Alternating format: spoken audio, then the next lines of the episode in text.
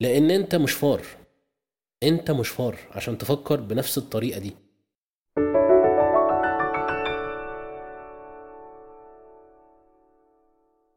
يومكم بيضحك. أنا هحكي قصة النهاردة دايما بتسمعوها أو في ناس كتير سمعتها من المدربين وهم بيقولوا من أكل الجبنة بتاعتي أو من أكل جبنتي أو من مش عارف مين. القصة بتحكي عن أربع فيران كانوا جيران. كل فارين قاعدين على جبل من الجبنة بتاعتهم. كان في اتنين منهم كسلة ما بيتحركوش وكانوا كل يوم بياكلوا وما بيعملوش أي حاجة غير إن هم متسلطنين. الطرف التاني أو جيرانهم الاتنين التانيين كانوا كل يوم الصبح بعد ما يفطروا يرجعوا يلفوا حوالين المكان اللي هم فيه يخرجوا يجروا. محدش يعرف هم كانوا بيخرجوا يروح يجروا فين. ولما يرجعوا آخر اليوم يسلموا على بعض. ويأكلوا نفسهم بنفسهم. بنشاط وهمة وحيويه في يوم من الأيام الجبل خلص عند الفيران الكسلانين وبدأ يتهموا بعض أنت اللي أكلت الجبنة لا أنت اللي أكلت الجبنة آه، بدأوا يقولوا لا ده في نفق حصل وفي فيران تانية من أماكن تانية سرقت الجبنة بتاعتنا جيرانهم لما رجعوا اكتشفوا إنه برضو الجبنة عندهم خلصت وقالوا لهم الكلمة المشهورة إحنا كل يوم الصبح بعد ما بناكل الجبنة بتاعتنا كنا بنخرج ندور على جبنة تانية على جبل تاني من الجبنة عشان خاطر إحنا عارفين إن الجبل ده هيخلص هيخلص. الموعظة من القصة دي طول ما أنت عايش في مكان معين أو شغال فيه اعرف إنه هيتغير. أي حرفة أنت شغال فيها أو فاهم فيها اعرف إن هي بتتغير. الزمن كده كده بيتغير. لازم تتحرك من مكانك باستمرار عشان لو انت فاكر انك قاعد على جبل من الجبنة اللي هي الراتب اللي هي ايا كانت المزايا الخاصة بالشغل بتاعك اعرف ان هي في يوم هتخلص مهما حصل ومهما طال الزمن. تحقيق انك تبقى عايش بحرفة واحدة زي ما كانوا جدودنا عايشين أصبح شبه مستحيل.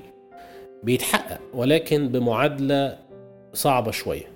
طبقا للظروف الحياتية اللي إحنا بنمر بيها دي. طبعا لما الناس تسمع القصة بتسقف وتقول أيوه الله جميل وتقول أمين أنا لازم أدور من بكرة الصبح على مكان جديد. هنا بقى نبدأ نبص على الجانب التاني من القصة.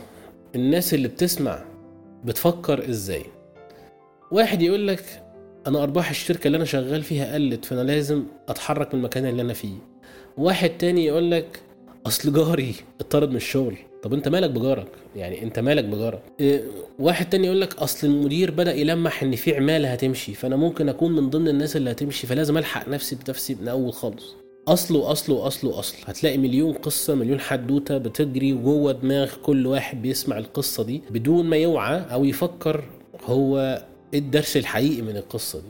لأن أنت مش فار أنت مش فار عشان تفكر بنفس الطريقة دي. الفيران كانوا رمز لشيء معين انت ما فهمتهوش. انت سمعت القصة وما فهمتش القصة. هو عبارة عن كتاب أصلا فأنت لازم تكون قاري الكتاب. أنا ما قريتش الكتاب يعني أنا مش هكدب عليكم. بس الموعظة أبعد من كده. لما اتشرحت بشكل مختلف من كذا مرة من كذا اتجاه من كذا مكان أصبح ليها معنى تاني. ولازم نكون واعيين له. الموضوع لو بدايته خوف اعرف إن الخوف بيشوش على تفكيرك السليم على المنطق السليم. الخوف بيتغلف بمشاعر تانية. ما بيجيلكش على إنه خوف وتحس بيه إن أنت خايف لأ. بيحسسك مرة إنك بطل بيحسسك مرة إنك شجاع بيحسسك مرة إنك أنت حكيم. مع إنه في الأساس هو خوف. الخوف لما يتغلف بالبطولة أو الشجاعة تعرف إن أنت هتبقى أحمق هتبقى أهبل هتاخد القرار وأنت مش واعي. بيه وفي الآخر هتيجي تندم عليه. الخوف لما بيتغلف بالحكمة أو بالشعور بالثقة إن هو إن أنت حكيم الشركة إنك تقول لنفسك أنا أحسن من غيري وتثبت مكانك وما تحاولش تتعلم شيء جديد. ده ما يمنعش إن الثبات الوظيفي مهم. ما يمنعش إن الثبات الوظيفي مهم مع التعليم المستمر مع التعليم المستمر. أنا بكرر الموضوع ده لأن فيها لغط كتير جدا. كله بيتمنى إن يكون في ثبات وظيفي عشان يبقى مرتاح. ولكن ما يمنعش إن دايما يكون في تعليم مستمر لأن الحياة بتتغير. أنا مش جاي أنظر عليكم ولكن الحقيقة أنا خدت قرارات غلط كتير وده طبيعي لأن أنا بني آدم. بس دايما لما أعرف إن كان قراري اللي كنت باخده في الوقت ده كان اساسه خوف أقول مش مشكلة. أهو درس وتعلمته لأن إحنا لازم نواجه نفسنا باستمرار. لازم نتعلم هو الخوف بيجي لنا منين ومتغلف بأنهي مشاعر زائفة. ونحط تحت كلمة زائفة دي مليون خط. بتجيلنا منين ولازم نعرف هي أساسها إيه. ونستخدم الخوف في مكانه الصح. الخوف مهم جدا. الخوف أساسه إنك تحافظ على نفسك وعلى ذاتك. أنت بقى مش عايز تحافظ على نفسك أو مش عايز تحافظ على نفسك دي قضية تانية إحنا مش هنتكلم عنها النهارده. لازم تواجه نفسك بالحقيقة باستمرار وتعري نفسك جزء جزء وتسأل نفسك مليون مرة الموضوع ده أساسه منين؟ وتسأل نفسك ليه؟ وبعد ما تلاقي الإجابة تسأل نفسك تاني وتالت ورابع. ودي طريقة في الشركات بتستخدمها اللي هي ال Five Whys الخمسة الخمس ليه الخمسة ليه أو مش عارف اسمها بالعربي إيه بصراحة. اللي هو بتفضل تمشي بتسأل ورا الموضوع ده لحد ما تجيب أساسه. ما بتقفش لأنه الإجابة السهلة المريحة اللي عقلك بيوهمك بيها دي المشاعر الزائفة. لازم تعرف أصل خوفك جاي منين. أكل شرب معيشة مجتمع. ايا كان هو أنت لازم تعرف أساسه منين عشان تعرف تحاربه. لأنك لو ما بتحاربش الخوف اللي جواك اعرف دايما إن قراراتك هتبقى مشوهة وإنك مش هتكون متحكم في حياتك نهائي. أبسط طريقة للتخلص من الخوف إن يكون عندك هدف حتى لو الطريق مش واضح. أنت حاطه جواك كدافع ليك إنك تكمل في الحياة دي. في كتاب اسمه The Mastery أو آه الأستاذية لروبرت جرين دي النسخة المختصرة. آه كان له مقولة مهمة جدا عن تأثير الخوف على جسمنا إحنا وطبيعة جسمنا في تحويل الخوف ده. آه كان بيتكلم على إنه الحيوانات اللي بيكون ليها عينين من الجنبين دايما بتحاول لما تخش مكان جديد تحافظ على نفسها ايا كانت الطريقة وإن هي ما بتعتمدش على أفراد العشيرة بتاعتها في إن هي تدافع عن نفسها لأن هي دايما عينيها باصة على الجنبين هي بتفكر في نفسها وبس. بعكس الحيوانات اللي ليها عينين باصة لقدام اللي هي زي القرود شايفين قدام مصلحتهم فين؟ وعارفين إن هو على آخر الشجر اللي بعيد ده هيبقى فيه موز. وبيستعينوا بقية الأفراد العشيرة إن هم يدافعوا عن نفسهم. فبالتالي مشاعر الخوف الزائفة ما بتبقاش موجودة لأن هم مركزين على الهدف وعارفين إن هم بيتنططوا وعارفين إن في إخواتهم هيكونوا وراهم وبقية العشيرة بتاعتهم هتكون وراهم بتدافع عنهم مه لو حصل أي شيء أو مهما كان الخطر اللي هم شايفينه. فبالتالي مشاعر الزائفة للخوف ما بتبقاش موجودة. انت بقى ربنا رزقك بعين بصه لقدام. انت ليه دايما خايف انك تبص حواليك؟ وبتبص بتبص على حواليك بس وخايف منهم من كل شيء وبتعزل نفسك عن المجتمع اللي انت جاي منه وما بتحاولش تعتمد عليه. وان أنتوا كل الناس اللي بتتكلم دي أو كل الناس دي اللي انت عايش حواليها كله بقى خايف على نفسه بس محدش بيشارك الأمان مع حد تاني. محدش بيبقى بيعتمد على حد تاني. وده لوحده بيخليك ترجع خطوة لورا. وبدل ما تبقى حيوان باصص لقدام بتبقى حيوان باصص على الجنبين. انت ربنا خلقك بإنك باصص لقدام. لازم يكون عندك تفكير لقدام. ودي المقولة دي أثرت فيها جدا. فإنه طول ما أنت في هدف باصص عليه شعور الخوف حتى لو الطريق مش واضح شعور الخوف ما بقاش له وجود فلازم ترد للناس اللي حواليك أو المجتمع اللي حواليك نفس القيمة اللي هم بيوفروها لك إنك بتساعدهم زي ما هم بيساعدوك.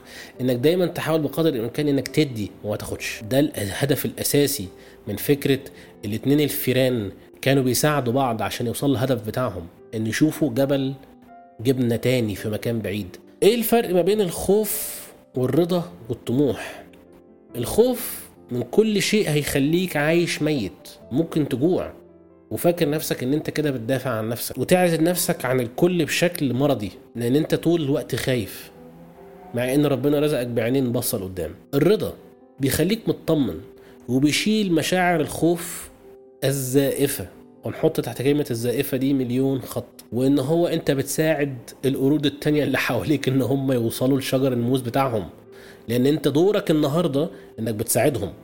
دورك النهاردة ممكن يبقى بس عشان خاطر تاخد بالك من القرود التانية اللي حواليك إن هم يشوفوا أهدافهم البعيدة. لأنه في النهاية لما بيوصل لهدفه البعيد إحنا كلنا كمجتمع بنتشارك الموز ده. الطموح إنك تبقى عارف إن في موز في مكان تاني على شجر تاني بعيد عن إخواتك اللي هو أنت ساعدتهم إن هم يوصلوا لشجر الموز الأولاني. وإنك لازم تتعلم إزاي تتنقل ما بين الشجر زي ما هم اتعلموا قبلك إن هم إزاي يتنططوا على بين الشجر. ولازم تبقى مؤمن بمساعدتهم ليك. ولازم تبقى مؤمن بإن هم حواليك وبتساعدهم زي ما هم بيساعدوك. حتى لو أنت حصل لحظة ما إنه جه عدو فرقكم بس هو في النهاية أنتوا عايشين مع بعض. وتحاول بقدر الإمكان إنك توصل للشجر ده وأنت عارف ومؤمن ايا كان اللي حواليك بيساعدك فهم لازم تساعدهم في يوم من الأيام. ده الفرق بين الخوف والرضا والطموح. الرضا عمره ما بيولد مشاعر سلبية. الطموح الطبيعي عمره ما بيخليك تأذي غيرك. الخوف بيخليك تدافع عن نفسك وقت الرعب وقت المصايب. عشان لو دخل عليك عدو دخل عليك حد ده مكانه الطبيعي. انت بتدافع عن نفسك منه. ده الفرق بين الخوف والرضا والطموح. يومكم بيضحك. أتمنى إن الحلقة تكون عجبتكم. اسمعوا البودكاست من على Spotify من على Deezer من على كل البرامج اللي تكون موجودة على ال link تحت الفيديو أو تحت اليوتيوب أو ايا كان ال medium اللي إحنا لازم نديله حقه أو على الفيسبوك. ايا كان. اعملوا share subscribe اللي أنتوا عايزينه. شكرا ليكم جدا.